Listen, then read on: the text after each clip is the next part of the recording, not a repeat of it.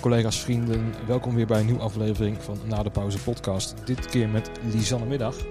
Hallo. En we zitten in een uh, Pieter Smit uh, bussie, Ja. zou ik te zeggen. Ja. Ze, ze hebben er een hoop op voorraad hier en ze zijn allemaal uitgestald. Ehm, dus ja, dank aan Pieter Smit dat wij hier even mogen zitten. Dat is wel leuk van ze. Ehm, ja, hoe gaat het met jou? Nou, nu ik hier weer zit, eh, krijg ik wel een beetje een soort van eh, weer emoties die opkomen. En ik mis het toeren wel echt heel erg. Ja, Ehm, de laatste tour die ik heb gedaan was in het najaar, twee maanden lang. Eh, ook in een nightliner. Dus als je hier dan weer binnenloopt, dan voelt het weer als thuis. Maar is het extra confronterend om te bedenken dat het voorlopig niet gaat gebeuren. ja, dat het ook niet mag of zo. Ja, Ja, dat kan, kan ik me voorstellen, ja. Nou, ik Ja. heb zelf nooit getoerd in zo'n busje. Dus voor mij is het allemaal zo van, oké, nou ja, leuke locatie op zich. Maar ik kan me voorstellen dat dan al die kleine dingetjes dan weer soort van herinneringen opdoen of zo. Eh, ja. Gisteren was ik dan bij Walk the Line in Tivoli. En dan zie je ook al je collega's weer. En dan kom je er ook weer achter van, oh ja, hè, hè, in de Pandora of in de Ronda. Zo van, ja, fijn om weer hier te zijn. ja. En dan zie je ook weer die triestigheid. Hier ook, het is, het is leeg, het is stil, Ja. alles staat op een rijtje. Ehm, zo van, het is, het is een beetje een raar gevoel wel, inderdaad, ja. Ja. ja. Ehm, ja, ik ken jou vanuit Typhoon. Dat is het bekendste, denk ik, waar, je mee, eh, waar de collega's ook van, van kennen. Mhm. Maar hoe is het voor jou begonnen in dit vak? Oeh, nou dat is ehm, bijna tien jaar geleden, denk ik. Misschien zelfs wel iets langer. Ehm, ja, ik, ik studeerde International Media and Entertainment Management in Breda. En eh, die opleiding was ik ooit gaan doen omdat ik kindertelevisie wilde maken. Eh. En die droom heb ik op zich nog steeds. Dus eh, toevallig werk ik nu aan een project voor School TV. Dus het komt in de buurt. Mhm.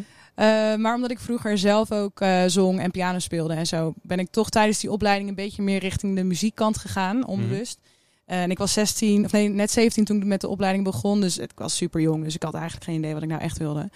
Ehm, dus eigenlijk ja, door stages in de muziekindustrie gerold. Eh, en de opleiding zelf heeft heel weinig met muziek te maken. Het is Mhm. veel meer televisie, film. ehm, Van alles wat. dat, ja, alle, Ja. gewoon media in de breedste zin van het woord. Ehm, maar ja, toch de muziek. En eh, mijn laatste stage was bij Wilfried Damman. Of tenminste ook Zwaardvis Music, maar ik deed met hem allerlei verschillende projecten. En eh, ik kon bij één dingetje blijven hangen, maar wel als freelancer. En eh, toen ben ik begonnen als freelancer. Eh, ik dacht altijd dat ik geen ondernemer was, maar ik kan me eigenlijk niet voorstellen dat ik überhaupt in loondienst zou werken. Maar Mhm. laten we dat maar wellicht ooit. Misschien zeg ik het nu, maar misschien wil ik het ooit wel. Maar ehm, ja, dus toen was ik twintig en toen begon ik voor mezelf te werken. En ehm, in principe eerst op het gebied van artist management. Dat leek Mhm. me heel erg leuk. En dat doe ik nog steeds ook. Ehm, maar al snel kwam ik in contact met Eddie Traverso. En dat is, eh, hij ging toen net met Matt Simons werken, een Amerikaanse artiest. En hij zocht een tourmanager. En ik had eigenlijk geen idee wat een tourmanager deed. Want bij mij op de opleiding kreeg je niet tourmanagementles. Zoals we wel op de Herman Brood Academie hebben. Eh, maar ik dacht, ja, ik, ik organiseerde ook altijd feestjes vroeger. En ben van het plannen en dat soort dingen. Dus ik dacht, dat kan ik wel. Ja, Dus ik ben er eigenlijk echt wel ingerold qua tourmanagement. ja. Want het klinkt ook zoals velen, denk ik, wel wat, wat bekend is. Van je begint ergens en op een gegeven moment dan eh, krijg je dat aangeboden. Oh, dan ga ik dat doen. En dan die, oh, oh, dat komt wel op je pad terecht of zo. En op een gegeven moment dan, dan pak je het gewoon aan. En dan zie je waar je uitkomt. Ja. En op een gegeven moment ben je ergens beland, vijf jaar later. En dan zo van, oh, wacht even. vond ik dit leuk. Is ja. het toch wel serieus geworden Ja. op een gegeven moment? Ja, en ik denk ook met tourmanagement. ehm, ik heb toen ik, eh, hoe oud was ik toen? 21 ben ik met Blink-182 op tour geweest. Niet als tourmanager, maar ehm, met Lenneke Knapen. Zij werkte voor Macbeth Europe en dat was het merk van Tom de Long. En ehm, in 2011 hebben, hadden we al een hele festivaltour gedaan. En in 2012 ging de band zelf op tour in, eh, in Europa voor twee maanden. En toen wilden ze mensen mee hebben die dus voor Macbeth en Keep Abreast, dat was het goede doel eh, waar hij, wat hij ook op had, had opgericht Mhm. Ehm, wilden ze mensen mee hebben. En toen hebben ze weer dezelfde mensen gevraagd als die eerder mee zijn gegaan. Waaronder dus ik. En dat was wel ook mijn eerste keer in een nightliner. En dat was een super grote tour. En eh, nou, ik begon eigenlijk aan de top. En dan niet als tourmanager, maar ik kon zoveel leren op die tour. Ik heb zoveel gezien en eh, zoveel meegemaakt. Dat was echt mijn ontgroening eigenlijk in, de, in het live circuit. Ja, Eh, dus ik wist wel van, ik had wel voor mezelf soort van gezegd, ja, over vijf jaar zou ik zelf een nightliner tour willen organiseren. Mhm. Eh, en dat is uiteindelijk ook precies vijf jaar daarna met Matt Simons gebeurd. Dus in die zin, eh, eh, is het wel grappig om dat een beetje af te dwingen. Hoe was het dan om voor het eerst dan te toeren? Want ehm, nou, ik heb het dan nooit echt gedaan. Hè? Maandenlang weg met een beentje en nou ja, zoals hier van die bunkbeds, dat je dan elkaar kan horen snurken en zo. Was het dan meteen dat je te voelde van oké, dit, dit wil ik echt? Of was het al gewoon wennen ook de eerste week zo van wat is dit toch eigenlijk een raar, raar iets? Nou, uh, ik weet nog dat ik werd gevraagd voor die tour en, en dat die twee maanden duurde. En dat ik dacht, nou, dan ga ik drie weken mee. Want ik, ik had altijd best wel heimwee. Dus ik dacht, twee maanden weg van huis is uh, vrij heftig. ja. Uh, maar uiteindelijk ben ik toch die volle twee maanden meegegaan. Ik was echt net afgestudeerd, dus het was mijn allereerste klus. Um, en meteen twee maanden, dus ik dacht, ik ga het toch gewoon doen. maar ik kom uit een gezin met, zes, of met negen kinderen. Okay. dus er is altijd herrie om me heen. Dus ik zag op zich niet zo op tegen het tourbusleven. Uh, want uh, zoals we hier met z'n allen slapen, zo sliep ik vroeger zeg maar ook. Ik hou van, uh, van herrie of in ieder geval geluiden omheen. Ja, ja, Dus dat viel wel mee. Maar het was wel heel apart om s morgens wakker te worden en dan je gordijntje open te doen en te denken, oh, in welk land staan we nu? En ik was natuurlijk pas 21, dus ik, had, ik heb wel wat vakanties gehad en zo, maar ik had nog niet zo'n wereldreis gemaakt of zo. Nee.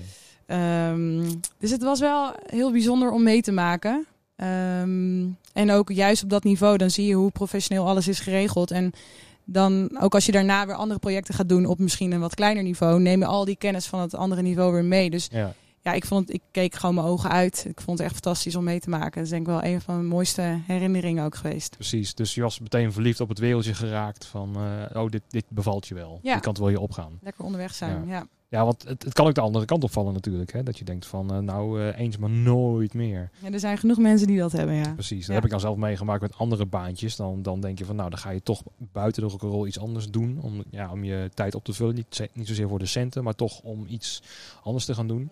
En ik heb al zelf meegemaakt dat als het niet direct resoneert met mij, ja, dan moet ik het gewoon niet doen. Nee, weet je? En dan moet je met toeren helemaal niet doen dan. Als, als het even niet goed voelt, dan word je echt doodongelukkig anders. Want heb je ook geen ruzies meegemaakt op die eerste tour die je, die je had? Dat er meteen spanningen waren of zo? Of? Ik denk dat wij echt een luxe positie hebben bij Met Simons. Dat we een hele fijne groep bij elkaar hebben. Um, en ja, ik denk dat iedereen is heel chill. En zeker toen we met de Nederlandse bandleden werkten... Uh, ja, dat zijn ook sessiemuzikanten, die zijn zo professioneel. En uh, er zit veel minder echt van die emotie in. Uh, of egootjes, zoals je misschien bij andere bands hebt. Mm -hmm. um, en natuurlijk heb je hebt altijd je favoriete mensen in zo'n groep. Je hebt, een, ik weet niet voor wie is de mol kijkt, maar dan heb je van die bondjes die worden gesloten. En zo voelt het op tour soms ook wel. Dat je gewoon denkt, oh, ik ben blij dat jij er bent. Ja. Afgelopen tour ook. Dan... Uh, Freek, uh, die viel af en toe in voor onze front of house. Dus die was een paar weken mee. En dan gingen we soms na de, uh, na de soundcheck of na het eten even een kopje koffie halen. Dan namen we even gewoon het kwartiertje voor onszelf. Liepen ja. een rondje door de omgeving. Um, of Glenn, uh, onze bassist, daar kan ik ook altijd heel erg goed gewoon mee chillen. En ja. ja. ik weet niet. Dus je hebt wel je favoriete mensen. Ja. Maar uh, er is geen drama. En als dat zou komen, dan lig je er denk ik ook snel uit. Ja. Want ik kan er helemaal niet tegen. Dus, en met ook niet. Uh, dus nee, wat dat betreft denk ik niet. Uh... Nee, want dat, lijkt mij weer zo'n ding wat me dan tegen zou houden of zo. Dat je dan zo'n zo'n situatie gaat krijgen. Dat, nou, ik ben heel erg gevoelig voor andere mensen en energieën en zo. En als het dan een soort van um, ja, tegen me gaat staan of dat de ego's in het spel komen, dan ben ik er heel snel klaar mee. Ja. En dan, heb ik er, dan begin ik al een beetje terug te trekken en dan weet ik al van, mm, gaat niet de goede kant op. En als je dan nog anderhalve maand moet, dan weet ik al dat ik het heel zwaar ga hebben. Maar als jij dan de tourmanager bent, dan is het eigenlijk alleen maar goed als je dat zo voelt. Want ik heb dat zelf ook. Mhm. Dus als ik voel dat er ergens een beetje dingen zo rommelen, dan kan je het meteen tackelen. Ja. Dus dat, dan, dat moet je dan ook gewoon als, als je functie zien. En dat is dan jouw, jouw positie. Maar stel dat ik als backliner erbij ben en ik heb dan juist met de tourmanager een soort van eh, een ego-frictie. Ja, dan, ja. dan, dan is er wel een beetje iets aan de hand. En, uh, dus daar ben ik altijd een beetje bang voor geweest misschien wel. Uh, want ik vind juist heel fijn als je naar festivals gaat. Uh, dan, dan ga je echt gewoon twee of drie dagen ben je dan daar. En dan weekend daarna weer daar en dan weer daar. En dan kom je wel wat mensen tegen, maar je kan ze ook heel erg ontwijken. Ja. Dus dan, dan sta je op het podium en stel dat je dan een, een stage manager hebt, zo van, ach, daar heb je hem weer. Zo van, oké, dan doe je je ding, dan ben je heel professioneel, maar dan ga je toch heel snel weer naar de kant op van, dan kom je weer mensen wel kennis tegen, hey, hoe gaat het met jou? En dan, ja. hè, dus dan kan je het soort van, heb je het zelf meer in de hand of zo, snap je? Klopt. Um, dus vandaar dat het toeren moet echt wel voor je gemaakt zijn, lijkt het wel. En sommigen zijn echt van die toerdieren. Um, hoe zou het voor, voor hun zijn, denk jij? Want ja, je bent natuurlijk ook zelf aan het toeren en zo, van dat je uh, ineens eh, uit het niets, buiten jouw schuld om, gewoon niet meer mag toeren. Hoe, hoe, hoe is dat? Nou ja, je, je zag net ook die man hier bij Pieter Smit, die ook chauffeur is, die zegt: Ik, ben, eh, ik heb nu vier of vijf maanden thuis in Portugal gezeten. Ik werd net een gek. Ja. Ehm, dus even los van dat je je werk mist, moet ook je thuissituatie zich in één keer weer aan jou aanpassen. Want eh, nou, de mensen die ik nog ken van de Blinktour, die mensen die reizen 11 van de 12 maanden per jaar. Dat zijn echt gewoon wereldtournees. Ja. En het geldt hetzelfde voor de, de tourbuschauffeurs hier bij Pieter Smit. Ehm, je bent niet per se gemaakt om thuis te zitten. Nee. Dus als ik naar mezelf kijk, heb ik het geluk dat ik nooit alleen maar tourmanagement heb gedaan. Dus ik denk dat ik gemiddeld ja, drie van de twaalf maanden op pad ben of zo. Iets in die trant. Ehm, en ik ben een familiemens en eh, ik hou van eh, mijn vrienden en zo. Dus ik heb er niet zoveel moeite mee. Ik vond het ergens ook soms wel fijn dat ik dacht, oh, het geeft me ook wel rust dat ik voorlopig in Nederland ben. Ja. Ehm, maar ik denk dat, ja, ik, ik denk dat je wel kapot gaat. Want dit is, dit is werk wat niet te beschrijven is. Als je dit niet hebt gedaan, dan snap je er ook gewoon echt niks van. En dan Nee. snap je ook niet dat gevoel. Ik denk dat elke tourmanager die hier nu weer die bus zou binnenstappen. Ik had het ook niet verwacht hoor. Toen ik hier aankwam rijden, dacht nou oké, chill, even podcast opnemen. Ja. En dan loop je die bus binnen en gewoon letterlijk de stap die je naar binnen zet en het trapje wat je omhoog gaat, dat roept allemaal weer herinneringen Ja. bij je op. Ja. Ehm, en ja, dat, is, dat kan je niet beschrijven. Dat is een gevoel wat je alleen maar kent als je dat hebt meegemaakt. Een soort van tweede thuis of zo. Dat je dan binnenkomt en zo van, Ja. oh ja. Ja, of dat je de zin in krijgen naar de volgende locatie om Ja. heen te rijden of zo. Ja, gewoon een hele specifieke sfeer. En, en ik merk ook, eh, de tour die we in het najaar hebben gedaan met Matt Simons was twee maanden lang. Ehm, nou, dat is echt heel erg lang, twee maanden, om met z'n allen in zo'n bus te zitten, eh, aan één stuk door. Ehm, en je merkt gewoon na die tour dat je gewoon allemaal emotioneel wordt. Dat het gewoon echt, Ja. ja. je bent twee maanden met hun geweest. En natuurlijk mis je je vriend en je mist je familie en je mist je vrienden. Maar tegelijkertijd was dat even, dat was de nieuwe normaal. Hè, Ja. Om maar even in zijn woorden te spreken. Ja. Ehm, en dan moet je daar weer afscheid van nemen. Dus het, het is wel heel moeilijk. En ehm, ja, ik denk als dit fulltime je baan was. Ik heb veel vrienden die echt fulltime toeren. Ja, die gaan dan van in de zesde versnelling staan naar in één keer stilzitten. Ja. Eh, dat, ja, het is niet te doen. Nee. Nee. Want daar heb je dus gewoon wel goed contact mee op dat moment. Ja, Met al die, eh, ja. Ja. al je collega's, con-collega's, hoe je het ook mag noemen. ja, ja. ja, eigenlijk heel goed. Omdat je allemaal dat gevoel kent. Dus het is ook eh, hoe goede relatie je ook met je partner hebt. De Ja. tourmanagers die ook op tour zijn, zeg maar, daar, dat is dezelfde taal die je spreekt. Ja. ja. Ja, ja want dat, dat, kijk, ik heb zelf dan gewoon een bedrijf eh, wat instrumenten verhuurt dan. Dus voor mij is het dan ook weer een beetje anders, want het, het, het blijft hetzelfde in de zin van ik kom elke dag soort van thuis, behalve in het weekend als je dan op een festival bent of zo. Ehm, het is ook al een soort een bewuste keuze geweest dat je ook lekker vindt om een soort van basis te hebben thuis. Ehm, dus in dat opzicht is er niet heel veel veranderd, Ehm, maar het is toch wel dat je het ook heel erg weer mist of zo. Die, die collega's, de, ja, gewoon die reuring die er is. Of dat je op een Lowlands of een X-festival binnenkomt en dat je we- meteen weer weet van, oh ja, wat weet je, dan kom je Feiko tegen of die of dat. En dan heb je toch weer dat kwartiertje, dat praatje mee. En dat kan voldoende zijn eh, eh, voor het hele festival weer. Maar dan heb je toch zoiets van, oh ja, het gaat goed met hem of zo. En dat, eh, dat is heel erg wat ik dan mis. Maar het Ja. is dan wel weer anders dan het tourleven, kan ik me zo voorstellen. Ja, kijk, ik denk dat ook zeg maar de shows in Nederland, eh, het is ehm, een hele leuke omgeving waarin je werkt met heel veel hele leuke mensen. En juist omdat je vaak best wel stressvolle lange dagen hebt en het daarna toch wel weer is gelukt, is dat, dat gevoel aan het eind, dat samenhorigheidsgevoel is nog groter. Dus ik denk Ja. dat, dat het gevoel wat je net beschrijft, dat, dat herken ik daarin. En ik denk dat de toeren dat dan in het eh, kwadraat is, zeg maar, dat dat nog meer... dat- Intenser is. Ja, Exact, ja. Eh, want je hebt wel wat voldoening kunnen halen uit de tuinen van 2020, heb ik begrepen. Hè? Ja, nou dat is echt. eh, ik ben heel erg blij dat ik daarbij betrokken ben geraakt. Eh tuin van 2020 en strand van 2020. Eh, in principe opgezet vanuit Team Typhoon en Team Tribe. Tribe is ook de, de organisatie die de Vrienden van Amstel doet en, en andere evenementen.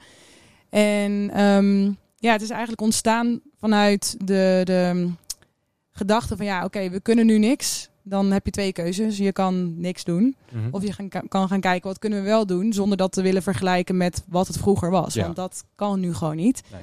Ehm, en ik merk ook wel aan mezelf dat eh, beperkingen me juist creatiever maken. Dus op het moment dat corona begon, nou, ik, ik moest vervroegd terugkomen van een reis die ik aan het doen was. Ik zat lekker op Bali. Nou, dat was helemaal niet meer zo fijn, want uh, in Australië wist ik al, ik moet zo snel mogelijk naar huis. Dus op Bali, dat was eigenlijk meer een tussenstop met het idee, ik moet zo snel mogelijk door. Ja. Uh, veel gedoe. Uh, uiteindelijk kom je dan thuis en dan denk je, oké, en nu? Want ja, je ziet langzamerhand alle data uit de agenda verdwijnen. Um, dus ik heb eerst even twee weken rust genomen. Ik heb een jacuzzi besteld voor in de tuin. Omdat ik dacht, nou, dit wordt een rustige zomer. Ja. Uh, opleidingen begonnen. Ik, ben dan, ik ga dan toch wel weer meteen aanstaan. Maar wel mm -hmm. dan niet in de zesde versnelling, maar de derde versnelling. Dus ik dacht, nou, dat is wel goed voor me eigenlijk. Ja. Um, maar ja, toen hadden we op een gegeven moment een productiemeeting uh, met, het, met de crew voor uh, de Typhoon shows. we zouden onder andere Lowlands gaan doen. Dus we zaten met het hele team in, in die call. En ook met Glenn erbij. En uh, nou ja, we waren het aan het voorbereiden. Maar eigenlijk wisten we natuurlijk allemaal... zometeen gaan al die shows uit de agenda. Toen ja. was nog niet bekend dat tot 1 september niks meer mocht. Maar Nee. we voelden erbij al hangen.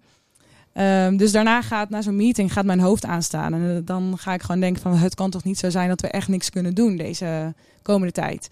Um, dus ik heb wat ideeën gedeeld met Glenn. En hij was ook al met Magiel van Tribe veel in contact. En gewoon een beetje aan het sparren.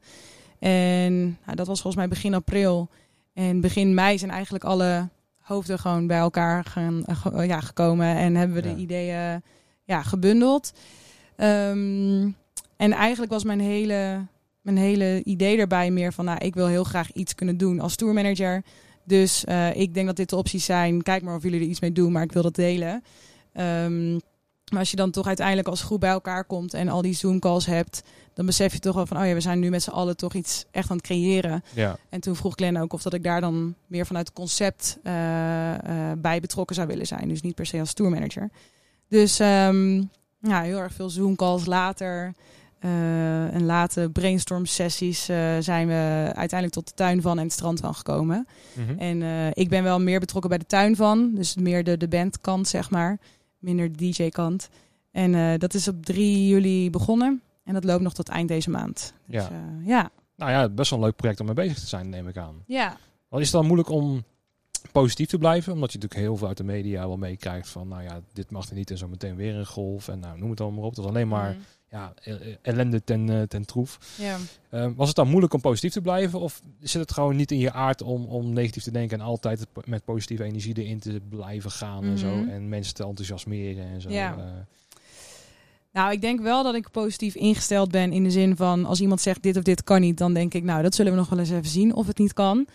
Um, maar je merkt wel door dat hele proces en door de onduidelijkheid uh, met wat nou wel of niet kan, uh, dat je af en toe wel eens dacht van ja, oké, shit, we zijn hier nu zoveel uren aan aan het besteden.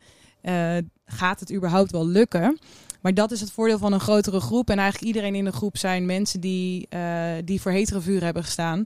Dus er was altijd wel, als iemand zich een keer zorgen over, over iets maakte, was er altijd wel de ander die dan zei: nee, maar je moet er zo of zo naar kijken. ja. Dus het voelt ook echt als een hele hechte groep. En um, ja, ik heb me nooit heel erg zorgen gemaakt. Ik denk dat ja, het vinden van een locatie was best een uitdaging, omdat gemeentes uh, soms wel uh, wat ja, Sceptisch zijn misschien. nou, en ook die vergunningen. Dat is natuurlijk, je moet eigenlijk een, een je moet mensen vinden die mee durven denken en gewoon goed gebruik willen maken van wat wel kan.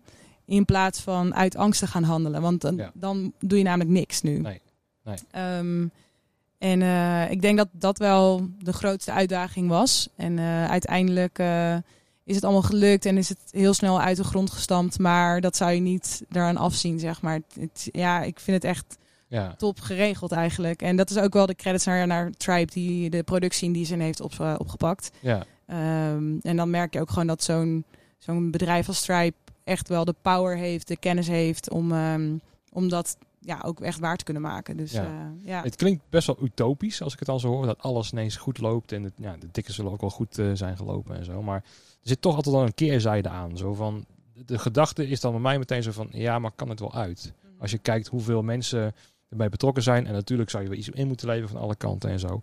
Maar ik kijk ook heel erg naar de businesskant. Zo van, ja, hoeveel moeite ga je erin steken? En ga je er iets uithalen? Ga je überhaupt break-even draaien? Mhm. Was dat ook geen uh, groot vraagstuk in het project om daar uh, mee bezig te zijn? Want dat is wat eerst wat mij in mijn hoofd op, op, opschiet, Ja. zeg maar. Nou, ik denk dat er zijn natuurlijk meerdere initiatieven nu uit de grond gestampt de laatste tijd. En ik denk dat iedereen die daarbij betrokken is wel durft te zeggen dat de businessmodellen gewoon heel tricky zijn. En dat als je niet uitverkoopt, dat je ook heel snel aan de verlieskant zit. Ehm, maar dat is ondernemen. Als in, Ja. ja. als je dat niet doet, dan heb je helemaal niks. En ik denk ook wel dat ehm, heel veel initiatieven die nu worden opgezet, zijn grotere bedrijven bij betrokken die sowieso die mensen in loondienst hebben, die sowieso het materiaal hebben staan. Dus of het staat te verstoffen en die mensen zitten thuis niks te doen, of je doet er wel iets mee, verdient er misschien minder geld mee dan voorheen, maar je doet Ja. in ieder geval iets. Ja. Ehm, en los daarvan natuurlijk omdat je gewoon weer wil. Als in, ja, dit blijft werk. Ik wil ook niet de, de, het idee wekken dat het een hobby is allemaal. Maar Nee. je wilt ook wel weer. Het is ook wel werk wat je echt mist als je het een tijd niet doet. Ja. Dus ehm, ik ben het wel met je eens. En ik, ik heb er ook wel mijn twijfels bij gehad. In de zin van, ehm eh, geef niet het verkeerde signaal af. Want eigenlijk wil je natuurlijk ook laten zien aan, aan gewoon Nederland, aan Den Haag. Van, hé jongens, we, we hebben meer support nodig, want zo kunnen we niet uit. En je ziet het nu ook aan alle ontslagen die vallen bij de grote bedrijven. Eh, ik zie echt mensen ontslagen worden waar ik altijd naar op heb gekeken. Dat ik denk, oh my god, die zijn dus nu hun baan kwijt. En hoe komen die dan weer Ja. aan nieuw werk? En hoe, hoe moeilijk wordt zo meteen de markt om weer werk te vinden? Ehm, maar tegelijkertijd denk ik ook van het missen van een sterk front misschien. Of tenminste om de boodschap duidelijk in Den Haag te krijgen. Nee jongens, dit en dit werkt niet op deze manier.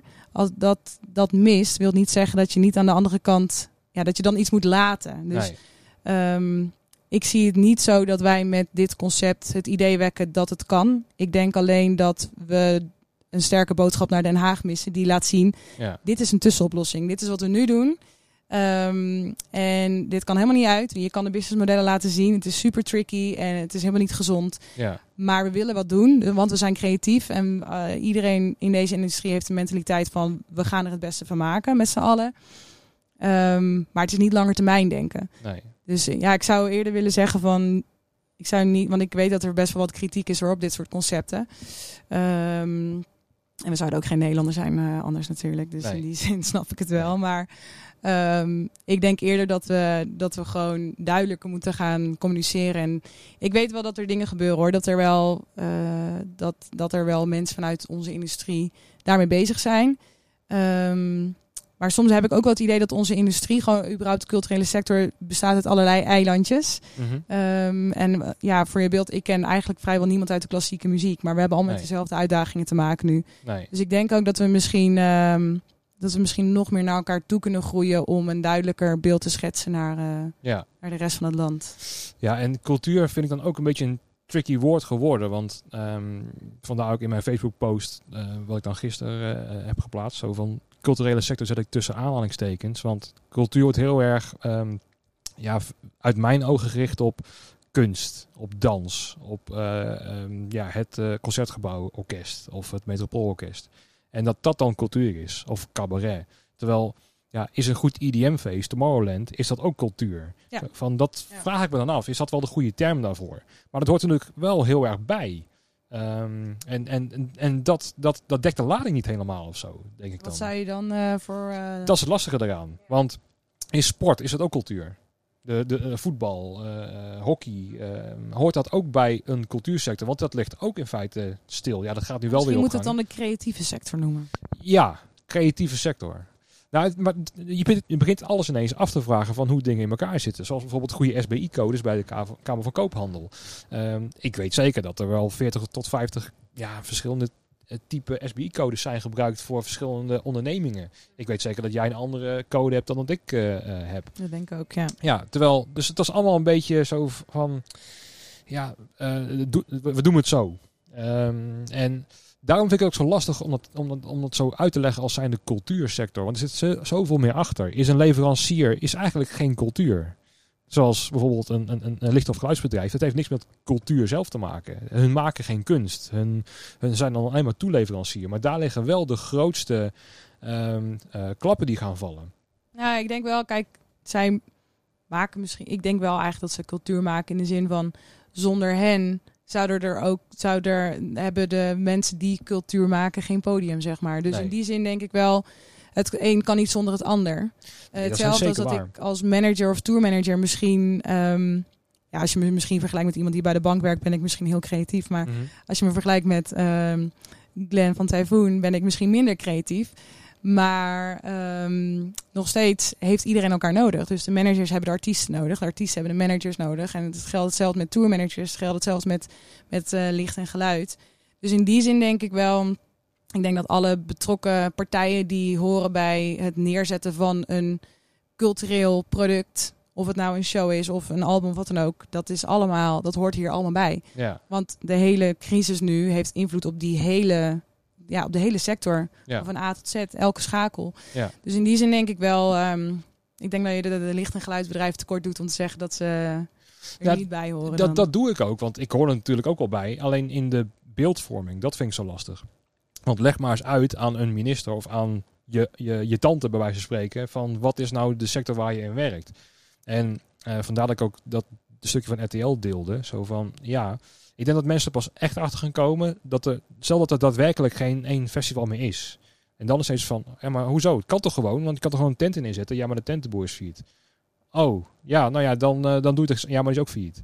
En dat je er dan pas achter gaat komen van, oh ja, dan, nou ja, hadden we niet iets aan moeten doen dan? Van, ja. Ja. dat hebben we ook geprobeerd. Ja. Of, of nieuwe films en nieuwe muziek op Spotify. Want ik denk dat iedereen in tijden van corona Netflix heeft uitgekeken. En Ja. Spotify eh, ja, heeft geluisterd. Dus eh, ik denk dat ook de mensen, dus niet alleen Den Haag, maar gewoon de leken in, deze, in dit land... die geen idee hebben wat, eh, hoe ons werk eruit ziet... dat zij Nee.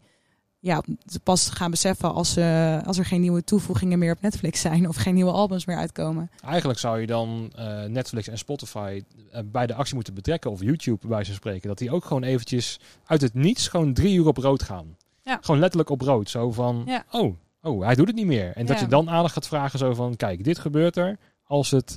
Maar zo- hoe, hoe krijg je het dan zover? Want het klinkt ook weer heel erg mooi wat ik dan nu in mijn hoofd heb. Maar en we blijven altijd heel erg braaf in de communicatie. We zijn altijd eh, eh, bezig met wat we wel kunnen. En Ja. goed te overleggen met organisaties en te luisteren en dat soort zaken. Ehm, ik zeg niet dat wij meteen als boeren het- het Malieveld op moeten gaan. Maar je ziet wel dat de brutalen de halve wereld hebben. Klopt, ja. En wij blijven maar achter de schermen. Het gaat niet om ons. Om, om, om ons. En Mhm. Ehm, eh, we blijven een beetje braaf of zo. Terwijl we nu steeds meer erachter komen van ja, dat braaf zijn, dat heeft geen zin. Want ik, ik heb het idee dat ja, Den Haag, als je het net zo zegt, hè, van dat je gaat uitleggen van kijk eens, het kan eigenlijk niet. Hè, we organiseren het wel, maar het kan niet. Ik denk dat Den Haag dat helemaal niet ziet, joh. De tuinen van 2020. Ik denk dat meneer Rutte zo van de tuinen van wie? ja. Weet je? Ehm, en dat iedereen wel zijn best doet. En bijvoorbeeld, Mhm. nou ja, ik was dus bij, eh, Walk the Line.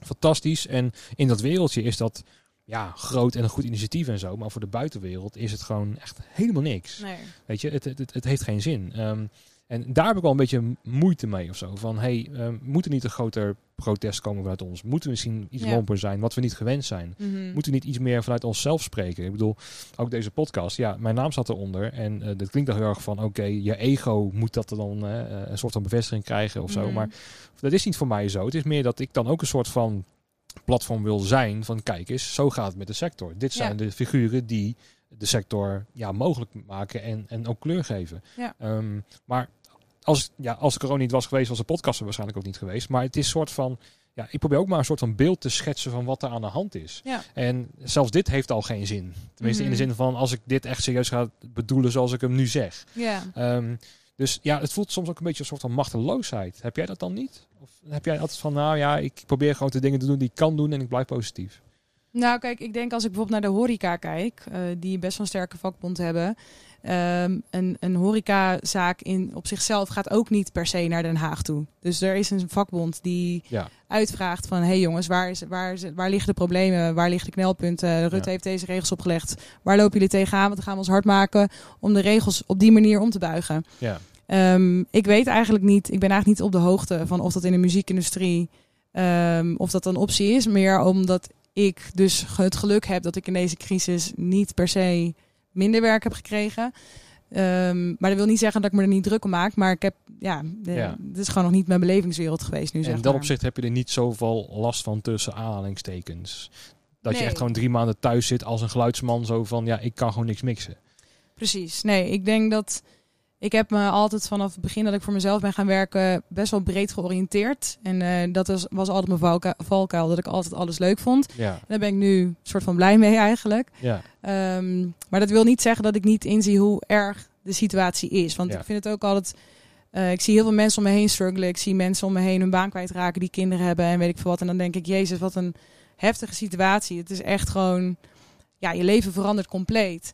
Uh, dus ik vind het altijd een beetje makkelijk om dan te zeggen, ja, ik heb er eigenlijk geen last van. Het heeft me eigenlijk goed gedaan. Ja, YOLO. Uh, ja, maar het is mijn situatie, zo heb ik hem wel ervaren. Als in voor mij heeft het goede dingen gebracht, maar dat wil niet zeggen dat ik niet inzie Nee. hoe finesse het is voor de industrie. En ik weet natuurlijk ook nog niet wat er gaat komen. Want ik kan nu wel zo mooi zeggen, nou, ik heb er geen last van gehad. Nee. Maar we zijn hier nog niet uit. Dit duurt Nee. nog wel twee jaar. Ja.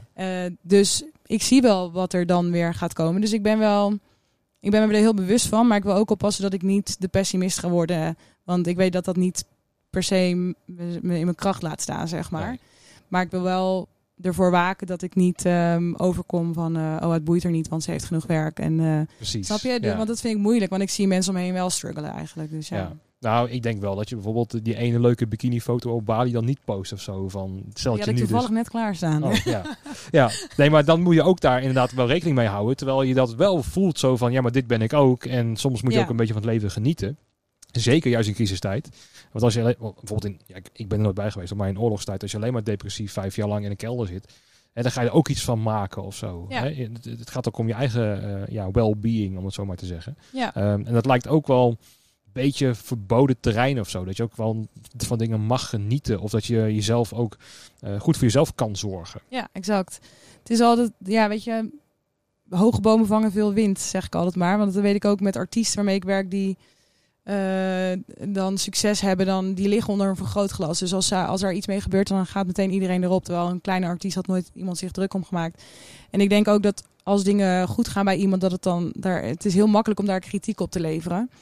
Eh, dus dat moet je dan ook gewoon maar een beetje links laten liggen. Ik weet ook niet of dat zo is, maar meer van wat je zegt, je mag best ook gewoon genieten in deze tijd. En je mag het ook best zien als hoe erg het ook is voor de hele wereld. En ook mensen die iemand zijn verloren. Ehm, weet ik niet of per se. Ik denk dat het ook een keuze is hoe je er dan mee omgaat, eerlijk Ja. gezegd. Ja. En niet dat je daarmee ontkent wat er gaande is, maar wel dat je probeert er het beste mee om te gaan. Ja. Want eh, je verandert niks aan de situatie, maar je verandert wel iets aan hoe jij ermee omgaat. Ja. Wat ik wel als verschil zie, is dat heel veel mensen in de eh, business hebben zich geïdentificeerd met wat hun werk is. En bij jou, bij jou is het een soort van losgekoppeld of zo. Je hebt een competentie die je doet op het evenemententerrein, dus als, als tourmanager en zo. Maar er zit nog veel meer achter. Dus hè, de, de andere 60% of 70 of 80% of whatever, die kan gewoon anders zijn eh, talenten etaleren of zo, laat ik het zo zeggen. ja. En stel dat jij dus eh, ja, fulltime geluidsman bent of zo. Eh, of, of chauffeur van een beentje dat je al 40 jaar op tour bent. En dat doe je. Ja, dan is dat ook gewoon een deel van je leven geworden. Je identiteit is dat er geworden. En dan is het natuurlijk wel... Dan staat jouw wereld daadwerkelijk stil. Ja, maar kijk, dat heeft eigenlijk meer te maken met hoe breed georiënteerd je bent. En niet in hoeverre je werk jou, jou is. Want ik geloof namelijk juist heel erg in ehm, het niet apart zien van je werk en je privéleven. Als Mhm. in wel dat je tijd hebt voor privé dingen. Maar ik vind het een beetje ouderwets om te denken... Dit is je werk. En dit, eh, ja, ook een beetje ouderwets zo van dat is niet leuk of zo. Als in, je hoeft niet anders te zijn dan dat je bent. Ik heb ooit voor ANWB gewerkt. Als freelancer was het ook eh, samen met Robin Gielen eh, eh, creatieve concepten ontwikkelden we. Onder andere voor KWF en ANWB. En ik weet nog dat we op een gegeven moment een keer een meeting hadden met ANWB. Het was 30 graden. Ik was 22 jaar. Ik zat daar in die, in die vergadering. Iedereen zat in pak. En ik niet. Ik zat gewoon in een korte broek. Want ik dacht, het is fucking 30 graden. Ja, En ja, weet je, daar heb ik ook geen opmerkingen over gekregen. Misschien achteraf of achter mijn rug, weet ik niet. Mhm. Maar ehm, natuurlijk kan je wel aanpassen in een situatie. Maar ik geloof er gewoon heel erg in dat ik bij ADB betrokken was. Omdat ze iets met jongeren wilden doen en met muziek. En dat was mijn expertise. En ik was jong en ik was met muziek bezig. Dus hoezo zou ik me dan anders gaan voordoen in die meeting? ja. Dus dat heb ik altijd al vanaf het begin af aan dat ik werk, heb ik heel erg het gevoel gehad van ik wil het op mijn manier doen. Niet dat ik het niet kan overleggen, Mhm. maar ik begin eerst met mijn manier. En als dat dan niet werkt en we moeten ergens aanpassen, kunnen we kijken hoe we naar elkaar toe kunnen groeien. Maar ik ga niet denken, oh dit is jullie cultuur, dus dan ga ik ook maar die cultuur aannemen. Nee. Want dan wordt inderdaad je werk anders dan jij als privé. Dus ik denk voor mezelf dat ik juist in werk en privé best wel hetzelfde ben. Mhm. Ehm, maar dat de vergelijking die jij maakt van ja, tourbuschauffeur die gewoon fulltime tourbuschauffeur is, is nu fulltime niet tourbuschauffeur. Ja. En ik ben tourmanager, maar ook artiestenmanager. En dus Ja. de balans wordt gewoon anders. Ja. Maar ik zie mezelf meer gewoon als culturele ondernemer, om het zo maar te zeggen. Ja, Die op, ja, weet je, ik, ik werk nu ook bij meer muziek in de klas. Dan ben ik projectleider. Nou, dat ik bedoel, op zich, de, de werkzaamheden die ik daar doe, komen heel erg overeen met de dingen die ik als tourmanager deed of als artiestenmanager. Want het is heel erg plannen en vooruitkijken en mensen aansturen. mhm. Maar het is een compleet andere tak. ja. Snap je? Dus ja. Zeker, zeker. En nou ja, dan kom je er nu, nu kom je er eigenlijk achter ehm, van hoe je als persoon in elkaar zit. Dus nou, nu kom jij erachter van, nou, gaat eigenlijk wel best wel lekker, gaat wel goed. Ehm, maar ik kan me ook voorstellen dat je, dat heb ik namelijk ook zelf een klein beetje, dat je tien jaar lang ben je ergens mee bezig. Dus ik ben zelf freelancer geweest als backliner. Daar ben je heel goed in. En op een gegeven moment eh, ga je stapjes nemen. Dus ik ben als stagiair begonnen. En op een gegeven moment ga je dan freelancen. En dan word je eh, commercial manager. En dan, nou, nu heb ik dan de, de token overgenomen. En dan, dan heb je een soort van ja, trots van kijk eens, ik ben ergens naartoe aan het groeien en het gaat allemaal goed. En eh, mijn competenties komen hier goed in uit. En nu heeft gewoon de hele wereld gewoon geen backline nodig.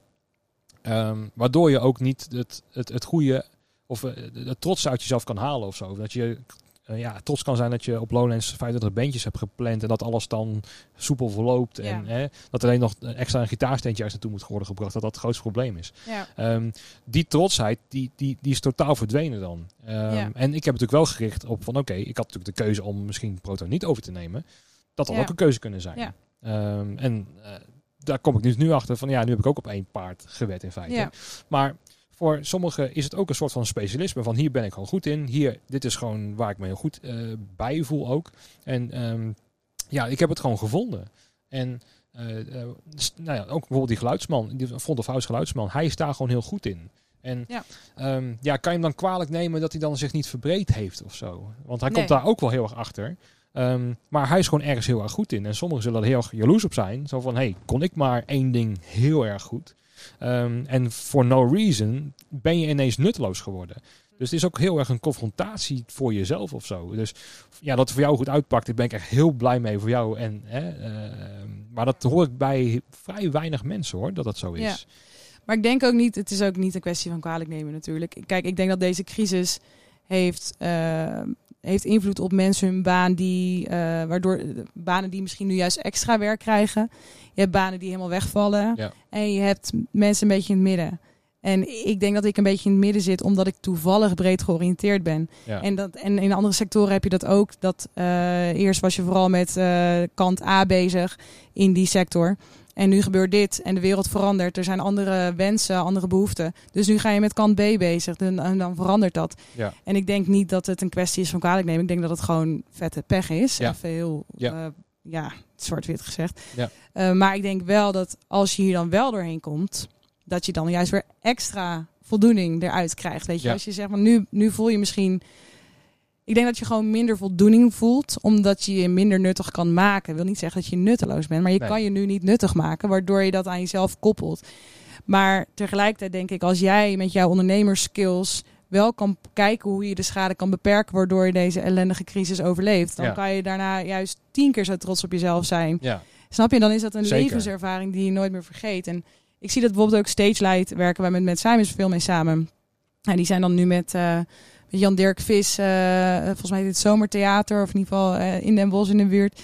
Ehm, die zetten dat helemaal neer voor 750 mensen coronaproof. Nou, natuurlijk hebben zij een tijd stilgezeten en met de handen in het haar van... Wat de fuck gaan we nu eigenlijk doen? ja, En uiteindelijk ga je zoeken naar mogelijkheden en zet je dingen neer. En komt er iets uit wat misschien niet rendabel is zoals van tevoren, maar wel de schade beperkt, waardoor het bedrijf kan overleven en mensen Ja. brood op de plank kunnen blijven houden. Maar tegelijkertijd is het dan ook niet dat dat goed is en dat niet doen niet goed is. Want dat zeg ik ook altijd, Nee. dus met deze hele crisis, dat mij zet het aan. Ik, ik word eh, actief van beperkingen, als in, Mhm. ja, dat gaat echt wel lukken, Ja. weet je wel. ja, Maar dat is, niet een dat is niet goed of fout. Want er Nee. zijn ook mensen die door deze hele ellendige crisis denken... ik zie het leven gewoon niet meer zitten. Dus het hangt er ook heel erg vanaf hoe je, ja, hoe je zelf in elkaar zit. Of, of die gewoon echt denken, ja, nou dan maar niet meer deze baan. Een ellendige industrie, altijd keihard gewerkt, ja, weinig verdienen. En nu komt deze crisis, ben ik ook als laatste aan de beurt. ja. Dus er is geen goed of fout. Iedereen Nee. gaat, daar, gaat er gewoon persoonlijk ja, op zijn eigen manier mee om. Zeker. Ja, ik herken heel veel wat, wat jij zegt en wat jij doet. Ehm, alleen ik zit in een hele andere situatie. Dus ik- ehm, eh, ik heb er bewust voor gekozen om een, een, een token over te nemen die dan instrumenten verhuurt. En ehm, ik kan ook dus zeggen van oké, geen handel meer, alles de deur uit, we gaan eh, livestreaming eh, verkopen. En volgend jaar, we hebben een vaccin en dan is ineens gigantisch veel instrumenten nodig, want ja, we mogen weer. Oh, nou dan moet ik dat weer gaan verkopen. In theorie klinkt het heel erg fantastisch. Maar zo werkt het natuurlijk niet. Weet je, je hebt gewoon een keuze gemaakt van oké, dit, dit is mijn pad die ik ga volgen. En um, ik denk als freelancer ben je toch, steltjes of tourmanager bent of whatever, kan je veel e-, eerder schakelen. Je kan bijvoorbeeld ook tapijt gaan leggen voor een half jaar, bij wijze van spreken in huizen. En dan is dat even je beroep. En dan als het weer doorgaat, kan je weer uh, omschakelen. Ja. Maar juist voor een toeleverancier, moet je je voorstellen wat Pieter Smit met al die bussen moet doen. Ja, dat is uh, ellende, ja. Weet je, ik had wel een post van ze gezien dat ze dan, je kon met je vrienden op vakantie, dat je kreeg Ja. een privéchauffeur erbij. En uh, nou, ik denk gezien de bussen die nog staan, dat dat niet heel veel van gebruik uh, gemaakt Ik is. vraag me ook af hoe dat dan in zijn werking gaat qua anderhalve meter afstand, eerlijk gezegd. Maar Ja, ook dat. Want moet een hele grote familie moet dan uh, op pad met zo'n Ja. bus. ja, Maar ja, dan heb je, um, en dan heb je met puur uh, te maken met geluk en pech, denk ik. Want um, ja, ik denk dat de baas van Pieter Smit, hemzelf, ook wel andere ideeën heeft. Oh, misschien moeten we iets anders gaan doen. Maar je hebt eenmaal in een wagenpark geïnvesteerd. In, uh, je, hebt, je hebt je BV'tjes neergezet in Portugal, Duitsland, Frankrijk. En de hele infrastructuur is gewoon, ja, was gewoon heel erg goed. En ze kwamen zelfs op een hoogtepunt bussen tekort. En nu staat dan als ineens hier van, ja, heb je dan een, een ondernemersfout gemaakt? Ja, het is, je, hebt, je praat niet over fouten, maar zo ga je dan wel denken. Zo van, hm, ik moet hier toch uit gaan komen. En als ik dan uit die positiviteit, wat jij dan ook uitstraalt en zo, wat ook in mij zit. En zelfs dan heb ik de oplossing nog niet gevonden. Zo van, hm, weet je, ja, dat is leuk en aardig, maar ja, hm, ik weet het niet. Maar niemand kon ook deze ellendige crisis voorzien. Dus ook de mensen nee. die voor deze crisis echt gewoon veel te veel werk hadden, die kunnen nu ook in één keer stil liggen. En hoe ondernemend ze ook zijn, kan het ook zijn dat daar niks uitkomt nu. Dus ik denk niet dat het een kwestie is van goed of fout. Of het, het is echt vette pech. En kijk, ik denk wel van het is ook niet alleen maar geluk, want uh, het is nog ook nog steeds wel een keuze. Uh, bedoel, de mogelijkheden moeten er zijn, maar dan heb je nog de keuze: ga je iets met die kansen doen of ga je naar kansen zoeken ja. of niet? Dus ik zou niet zeggen van. Nou, het is echt geluk geweest hoor, wat ik nu allemaal kan doen. Daar heb ik echt wel hard voor gewerkt. Maar ja, ja. Um, ik denk ook dat ik, ja, weet je, dit, dit, er is toch zo'n mooie Engelse zin. Ik weet eigenlijk niet meer precies hoe die gaat. Maar in ieder geval over dat, weet je, geluk, geluk hebben bestaat eigenlijk niet. Je bent ook prepared voor de kansen die mogelijk voorbij komen. Die Ja. pak je dan en dat waar, maak je waar. Ja. Want uh, alle klussen die ik nu extra heb gekregen, als ik daar niet mijn best voor deed of uh, Nee, er helemaal aflag, dan had het ook niet gewerkt. Dus nee. ik denk dat er, er zijn gewoon verschillende... Het is appels met peren vergelijken. Ja, en je perceptie verandert ook wel als je een kans ziet en pakt.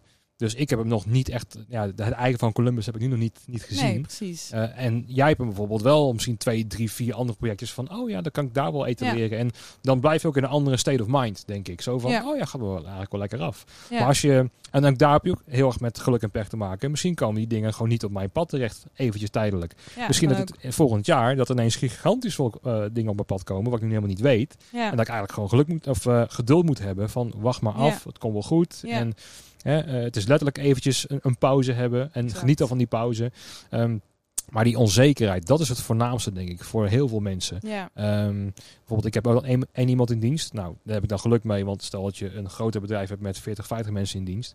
Ja, uh, of een paradiso met 250 mensen zelfs, volgens mij. Ja. Ja, dan wordt het een heel ander verhaal. En uh, ja, dan kan je creatief zijn wat je, wat je wil, maar voor 250 mensen een ander, uh, ja, iets verzinnen.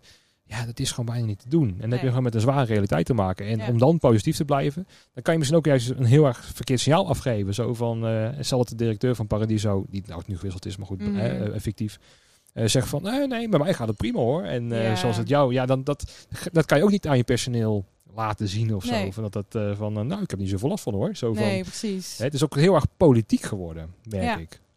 Merk, merk jij dat ook? Dat je dan ook wel dingetjes anders post op Facebook of op een LinkedIn dan, dan hiervoor? Of, Nou, ik denk dat, het, dat je er misschien net wat meer bij stilstaat. Maar tegelijkertijd, eh, wat je net zelf ook zei, van je mag ook gewoon, het is ook oké om ervan te genieten. ja, En, ehm, en ik ben altijd wel, van, van huis uit zijn we allemaal, ik kom dus uit een groot gezin en iedereen is daar relatief best wel creatief. Maar eh, altijd, ik eigenlijk als ik op terugkijk, gewoon op de kindertijd, allemaal veel te bescheiden geweest, zeg maar. En ik ben dat een beetje gaan omdraaien, dat ik denk, ja, fuck it, weet je wel, ik doe dit nu gewoon. En Mhm.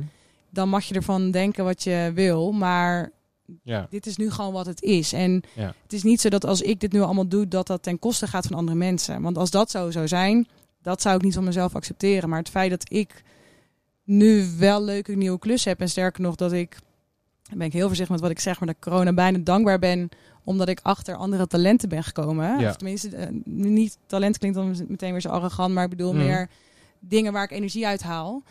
Ehm, ja, weet je, dan, dan denk ik van dat ik dat heb, dat staat op zichzelf. Ik hoef dat niet te vergelijken met jouw situatie. Nee. Maar ik heb wel, ik ben wel empathisch. Dus ik Ja. vind het heel kut voor de industrie in het algemeen. En Ja. ik bedoel, ik heb er ook pijn eh, door, doordat we niet meer kunnen toeren, weet je wel. Dus Mhm. het is niet dat het me koud laat. Maar ik geloof er niet zo in om dan te denken, we gaan met z'n allen zielig zijn. Er zijn mensen zielig en er zijn mensen Ja. niet zielig. En als de mensen die niet zielig zijn zich ook zielig gaan voelen om de anderen een beter gevoel te geven, Ja. dan zijn we z'n allen zielig. Dat snap je, dat schiet niet op. Dus Nee, ik denk wel dat dat, dat gevoel van eh, dingen kwijt zijn eh, en dat anderen dat ook hebben, dat het ook een soort van verbindenis geeft met elkaar. Ja. Dat je met z'n allen loopt te zeiken. Dus ook weer dat je een soort Klopt. van vereniging bent met elkaar tegen. En dan ga je ook wel zo van, ja, weet je, weet je wat Maurice de Hond heeft gezegd en zo. En eh, ja, daar heb ik ook wel mee eens. Dan Ja. krijg je dat snowball effect dan in feite op de negatieve manier. Mhm. Maar dat je dan, ja, daar kan je ook wel in, in verliezen. Ehm, maar ja, het is, dit is zo, het is zo moeilijk. Want ik denk dat iedereen, ik weet niet hoe het bij jou is, maar dat je ook wisselende dagen of weken hebt. Dat dan, eh, dat ik dan bijvoorbeeld in één week, dan heb ik zoveel energie van, nou ja, ik, eh, het is mooi weer, ik ga gewoon genieten en zo. Ja, En daarna kan je gewoon je bed niet uitkomen, want omdat je de, werkelijk denkt zo van, ja, maar waarom dan? waarom? Ja. Weet je, van de, de, de, de mailbox, eh, geen, geen e-mails dat iets nodig is. Ja. Ehm, ehm, ja, dan heb ik die podcast natuurlijk wel. Wat, Ja, wat, ja. ik wel heel erg leuk vind trouwens. Want, ja. ja. ehm, maar ja, moet je je voorstellen dat je dat dan ook niet, niet doet. En dat is misschien ook een kans die ik dan pak. Wie, wie, wie, zou het zeggen? ja. Maar ja, ik vind het, ik, ik vind het toch wel soms, soms wel heel erg lastig hoor. Mhm. Ehm, om, om, ja, om daar een soort van ja, middle ground in te vinden of zo. En ik, ik- heb ook wel het idee dat je ook wel kut mag voelen. Ik bedoel, dat het gevoel, want daar hebben de meesten denk ik zo van... Oké, ja, ik voel me slecht, maar dat mag niet. Zo van, nee, dat mag ook wel. Weet Ja, je? Bedoel, zeker. je mag Ja. gewoon een, een klote dag hebben en dat Ja. ook gewoon toegeven. Ja. Ehm, want juist als je dat niet gaat hebben, Dan krop je het alleen maar op. Precies, en dan Ja. komt het in één keer eruit. Ehm, maar ja, ik weet niet, als ik dan met jou praat, het is een soort van, het is wel inspiratievol of zo. Dat ik denk van, Mm. oh ja, ja, nee, maar zo, zo kunnen, kan je er ook gewoon in staan en gewoon Ja. relaxter. En, ehm, want er zijn er heel veel die ik spreek die inderdaad zo negatief zijn. En ik krijg heel weinig geluid ook van, van, van deze kant. En ja. met wat meer eh, ja, relativering misschien wel. Mhm. Want ik zoek altijd een beetje de middenweg in het verhaal. ja. En ehm, mis je dat ook niet om je heen? Dat, dat er heel veel mensen zijn die op één kant gericht zijn en dan toch zo van, ja maar jongens, ehm eh, kijk er ook op een andere manier naar. ja, ik denk ook wel dat de... Als ik nu kijk naar mijn werkzaamheden, nu zijn het ook allemaal mensen die er op dezelfde manier in staan, die daarnaar zijn, naar die mogelijkheden zijn gaan zoeken. Dus Ja, dat versterkt elkaar. Daardoor Ja. krijg je energie van elkaar. Ehm, en ja, ik weet niet. Kijk, ik bedoel, die eerste twee weken dat ik thuis zat na mijn reis, had ik hetzelfde gevoel als wat jij nu net beschrijft. Van je wordt wakker en je denkt, ja, waarvoor moet ik eigenlijk wakker worden? Ik kan net zo goed in bed blijven liggen. Maar als je normaal gesproken hard werkt, wat iedereen in onze industrie eigenlijk doet, ja, dan voelt dat echt heel erg raar. Want Ja. je, hebt, je, je weet hoe de vakanties zijn. Die zijn ook niet altijd echt vakantie. Als in er speelt altijd nog wel iets in je hoofd. Ehm, dus ik herken wel wat je zegt. Ehm, en dus ik snap wel heel goed het gevoel. Maar ik heb wel voor mezelf bedacht van, nou, ik ga wel kijken wat ik ermee kan doen. ja, Als in, ja, ik weet niet, altijd wel in die mogelijkheden denken of zo. En dat is dan, het heeft ook wel onzekerheden gebracht. Maar ja, ik heb er wel altijd. Nu ook denk ik, ja, oké, ja, bij meer muziek in de klas is een tijdelijke klus. In principe tot eh, november, als ik het goed heb.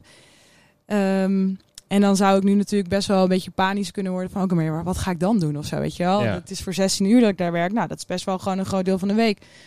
Maar tegelijkertijd denk, eh, geloof ik er heel erg in dat dingen linksom of rechtsom weer op een pad gaan komen. Niet met achterover zitten, maar gewoon door Nee, nee, nee. te zijn wie je bent en de dingen te doen die je doet. precies. En als dat een keer niet gebeurt, dan gebeurt dat misschien voor een reden. En Ja. ga ik even niks doen of zo, weet je. Want die Ja. buffer heb ik ook al opgebouwd. Dus ja, ik weet niet. Ik snap het gevoel wel, maar tegelijkertijd ben ik er wel meer voorstander van om naar de positieve kant te kijken in Ja. plaats van. eh, Ik denk wel dat je in een soort van flow moet zitten. Want Ja. dat zie ik wel bij jou. Van oké, het, het, het, het zit wel mee en je hebt je eigen perspectief. Maar ja, je ziet die kansen en elke Ja. week is er wat leuks te doen en zo. Ehm, en dat missen heel veel mensen, denk ik, waaronder ik zelf ook wel eens. Zo van, ik mis die flow.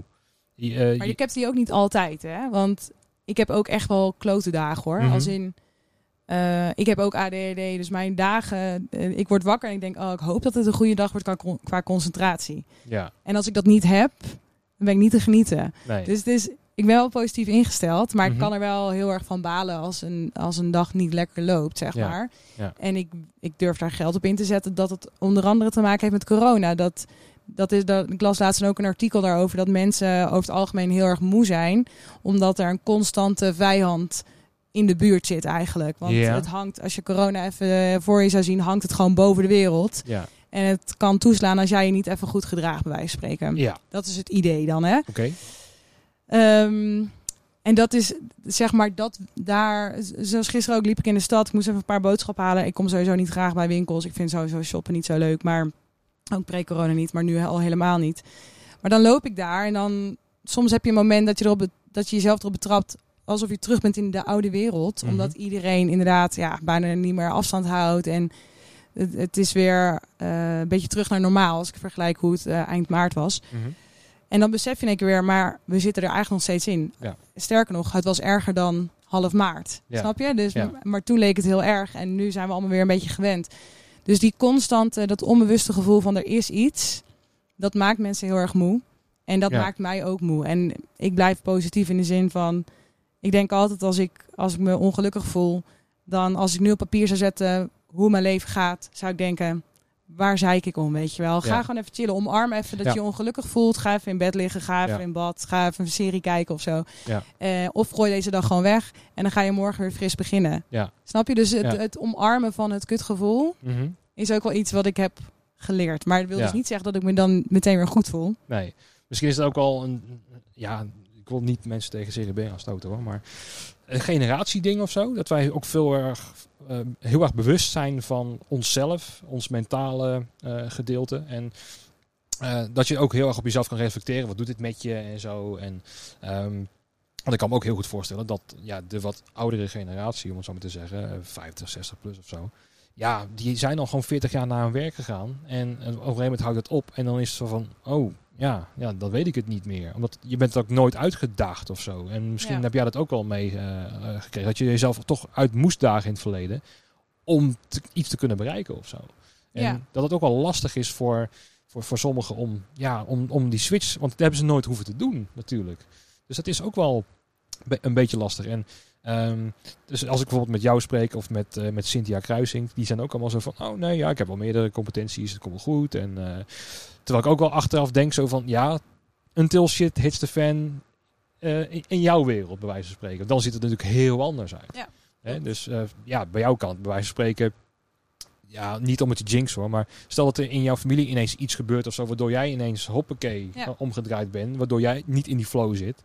Ja, dan ga je ineens ook die andere mensen misschien begrijpen die dan een beetje lopen te zeiken op Facebook en zo. Dus ja. aan Maar alles ik zit begrijp het ook wel. hè. Het is niet, Ja. het- ik wil niet overkomen alsof ik het niet begrijp. Dus ik begrijp het wel. Het is alleen mijn keuze om niet Ja, daarin mee te gaan. Ik zie het echt als een keuze. ja, En eh, ik, ik was mentor op de Herman Brood Academie ooit. En om, om even maar gewoon in een voorbeeld te spreken. Maar eh, als mentor krijg je gewoon alle shit over je heen. Van, de, van de studenten zelf. Dus niet persoonlijk, maar ik bedoel meer van wat ze thuis meemaken. En ehm, kijk, sowieso kun je problemen niet met elkaar vergelijken. Het is niet dat dat 80 is en dit 60. Dat, dat gaat erover hoe je jezelf daarbij voelt. En daarnaast hoe je ermee omgaat. En ik zag bij mijn studenten dat soms iemand een probleem had waarvan ik dacht, nou dat is makkelijk op te lossen. En iemand anders had een probleem waarvan ik dacht, what the fuck, weet je, jouw leven staat echt op zijn kop. ja. Maar die laatste, die haalde alles, want die, die had de keuze van nee, maar dit is het enige wat ik juist, wat ik wel kan sturen. Dit is Ja. wat ik wel kan controleren. Ja. Dus hier ga ik me op focussen en hier wil ik mee verder. Hier wil ik in kunnen uitblinken, want de rest heb ik niet onder controle. ja, En die ander, die eigenlijk in mijn ogen een probleem had van, nou, hè, ja, gewoon een beetje een puber probleempje of zo. Eh, die was helemaal van slag. En die heeft dat jaar dan niet gehaald of zo, weet je. Dus dat soort... Ik, ik, ja, ik weet niet. Ik vind altijd... Je kan problemen niet met elkaar vergelijken, want het gaat Nee. erover hoe je ze ervaart. En het is ook heel persoonlijk. Ja, en ik kijk, ik denk wel van, daar denk ik ook heel vaak over na. Ik ben, ik ben wel echt een gevoelsmens en ik maak me constant zorgen om, om mijn familie. Eh, dus ik denk ook altijd, oh, als nu dit gebeurt, hoe zou ik daar dan op reageren? Nou, Ja. dat weet je niet tot het gebeurt. Maar dan ben ik wel blij dat ik het leven wat ik heb, waarin dat dan gebeurt, tot nu toe zo heb kunnen inrichten dat ik er happy mee ben. Want stel je voor Ja. dat het ook kut was, nou dan lig er helemaal af. Ja, Dus Ja. ik probeer wel eh, te beseffen dat ik gewoon gelukkig ben met wat ik nu allemaal heb. En dat ik dat, eh, dat, ik dat moet koesteren. Ja, En het is niet vanzelfsprekend. En dat snap ik ook wel. nee. En, en voor hetzelfde geld heb ik zometeen geen andere klussen en ligt het helemaal stil. Maar dan bedenk ik iets anders. Want ja. dan ga ik het onderwijs in. Ik bedoel, dat doe ik ook al. Ja. Maar de, dus ik, ik geloof wel dat er overal werk is. Maar ik snap wel wat je zegt met misschien de oudere generatie. Dat ehm, vroeger was het ook veel normaler om heel lang bij één baan te blijven hangen. Ja. En had je natuurlijk sowieso minder ondernemers. Er waren meer gewoon loondienstmensen, zeg Ja. maar. Dus die variatie in je werkzaamheden of in, in dingen waar je ervaring hebt, dat is natuurlijk een stuk minder dan onze generatie, waar A, veel meer eh, freelancers in zijn. Dus je kan ook je kan automatisch breder oriënteren. Dynamischer ben je dan. Ja, precies. Plus, ik denk ook dat ehm, wij, wij hoppen sneller van baan naar baan. Hè? Dat is wel een gegeven nu. Ja, Eh, en daarnaast is het ook geen taboe om over mental eh, health issues eh, te praten. Dus Nee. ik denk dat we het sneller durven te omarmen als het even niet lekker gaat. Of delen met onze vrienden. ja, Waardoor we er weer makkelijker, nou ik wil niet zeggen overheen komen, maar wel makkelijker iets mee kunnen doen. Of een ander deel van het leven weer kunnen oppakken. ja. En, ehm, en ik snap als je nu wat ouder bent en al 40 jaar hetzelfde doet. Ja, natuurlijk is het moeilijk om dan, ja. ja, je bent bijna vastgeroest in je plek dan om het even zo te zeggen. Ja. Het klinkt heel hard, maar Mhm. dit, is, dit is logisch. Ja, en ook in gedachten. Want ik denk dat ik zo'n gesprek die ik bijvoorbeeld nu met jou heb, ja, die, die kan ik me gewoon niet voorstellen met iemand, eh, eh, ja, 20, 30 jaar ouder dan, dan ik zelf ben. Nou, dan ga ik je al niemand voorstellen. Ja? Ik heb, ja, ik heb zeker een paar mensen. Ik werk best wel veel met. eh, de, ja, ik vind het altijd lullig om te zeggen, want het voelt als gelijke, maar met eh, wat oudere mensen in deze industrie. En, maar misschien zoekt soort aan soort, want die zie ik dus namelijk ook echt juist gaan. Ja, Dus eh, ik Ja. zal die namen wel even eh, bij je neerleggen en ja. dan kan je misschien hun ook vragen. ja, het is ook wel een soort, trekt soort aan misschien. Dat je dan in een, in, een, in een clubje komt waar ook een beetje dezelfde energie en mentaliteit hangt en zo. Ehm, en dat, ja, dat kan ik alleen maar koesteren zou ik zeggen. Want ja, eh, dat mis ik af en toe wel een klein beetje hoor. Want Ja. ik wil heel erg geïnspireerd raken door andere mensen. En daarom ben ik ook heel erg blij dat dit gesprek heeft plaatsgevonden. Want het is een heel ander gesprek dan dat ik met, ja, met bijna iedereen gehad heb. Ja. En ja, dat vind ik ook heel leuk. Zo van, dit is weer uniek of zo, snap je? Ehm, ja, en ik hoop dat wel, eh, ja, dat ik, dat ik ook veel meer geïnspireerd raak door andere mensen. Waardoor ik ook andere kansen weer ga zien. Want ik, ja, ik sta te popelen om iets anders te gaan doen. Oh. Of erbij te gaan doen. Ja. Dus, eh, Het onderwijs heeft mensen nodig, hè? Oké, ik, ja, ik weet niet of ik dan, ik ben misschien met de eigenwijs. Nou, of zo. Ah, dan, alle eh, docenten zijn eigenwijs. Ja, oké. dus dat, ja. daar pas je hartstikke goed in. ja, misschien wel, ja. Ik ga erover nadenken. Want misschien heb ik ook wel wat mooie dingen die ik kan delen. En er zijn subsidies allemaal voor te krijgen. Kijk, daar is wel subsidie voor te de krijgen. kijkers. Ja, Ja, al jaren, want eh, er is al jaren lerarentekort. Als Oké. je leraar eh, middelbaar schoolonderwijs, of, en daar hoort dus mbo ook bij, Mhm. wat heel veel mensen denken uit onze industrie eh, dan zouden willen doen, eh, dan krijg je 1200 euro per jaar. oké. En de opleiding kost 1900, dus nou, 700 per Nou, jaar. Ja. Ja. ik zit over mezelf na te denken. Zo van, ja, ik denk dat ik wel wat jongeren kan, wat kan bijbrengen over ja, het, het leven. Klinkt ook zo zwaar, maar toch wel een soort van perspectief. En ja, hoe, hoe kut hebben het eigenlijk als je gewoon eh, eh, een beetje gaat reflecteren van, nou ja, weet je wel, eh, er zijn plekken op de wereld waar als er morgen niet gewerkt wordt, dat je dan ook geen, letterlijk geen brood hebt. Ja. En dat perspectief, dat moeten we ook een beetje in de gaten blijven houden. Zo van, ja, hoe kut hebben we het eigenlijk echt hier zo? Ja, Ik denk, worst to the worst. Je blijft altijd eten. Ja. Dus, maar goed, is ook weer heel persoonlijk. Maar dat, dat, is denk ik ook. dan, eh, ja, denk. nee, maar dat denk ik ook wel. Ik denk dat we niet moeten onderschatten hoeveel mensen er alsnog problemen hebben in Nederland. En, dat, en ik hoop ook dat ik met deze podcast niet overkom als iemand die niet begrijpt hoe Nee. de industrie erbij ligt. Want dat Nee. begrijp ik wel, Ja. eh, wel zeker. Ja. Eh, en ik zou er ook heel graag wat aan willen doen. Dus als er ergens ook behoefte is aan extra mensen die naar Den Haag willen, dan, eh, Ja. dan zou ik daar ook juist bij aan willen sluiten. Precies, ja. Excuus voor de mensen die de schoenen naar de tv hebben gegooid. Ja. Eh, Van, eh, Jezus Christus, al die hippies. Nee, je weet niet hoe het, hoe het bij mij is. Excuus daarvoor. We zitten alweer een uurtje te praten. Dan ga ik Ja. afsluiten met de laatste vraag. Ehm, wat zou jij niet missen samen met corona nadat dit voorbij is op alle evenementen en festivals? Wat mag ook verdwijnen? Mm, tja.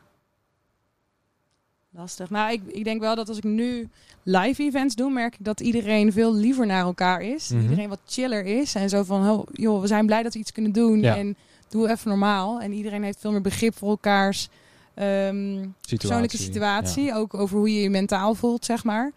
Eh, dus dat begrip naar elkaar toe. Dat, ehm, ja, ik vind, het, ik vind de muziekindustrie wel een harde industrie soms. Mhm. En ik denk dat die misschien wel iets zachter is geworden door deze hele situatie. Dus misschien eh, mogen we ook na corona gewoon wat liever voor elkaar zijn. Het was ook al een beetje een mannenwereld, denk ik. Heel lang gedomineerd door, door mannen. En wat ik dan om de laatste tien jaar zie, is dat ook wel heel veel vrouwen bij zijn gekomen op productie, op hosting en dat soort dingen. Dat het toch een goede mix heeft gekregen. Maar ja, daar ben ik ook wel met je eens. Dat het toch wel iets meer eh, ja, begrip voor elkaar hebben of zo. Van, maar dat maak je ook wel mee misschien in een tourbus. Dat iemand gewoon echt een klote dag heeft. Zo van, ja, laat me lekker gaan. In plaats van het weer persoonlijk op te pakken of zo. Van, Ja. eh, hè, van waarom zit je mij in de weg? Precies. Ja, Ja, precies. Ehm, nou, dankjewel voor het gesprek. ja ook bedankt. Was Eh, ja, zeker. En nou, misschien gaan we ooit nog een keertje in de Pieter Smit bus zitten met een op opname. Ik vind het wel heel grappig. Maar, Heel leuk dat het kon. Ja, zeker. Dus nogmaals dank aan Pieter Smit dat we dit hebben mogen doen. Ja. En voor de kijkers en luisteraars, dank u wel voor het luisteren. En tot de volgende, tot na de pauze.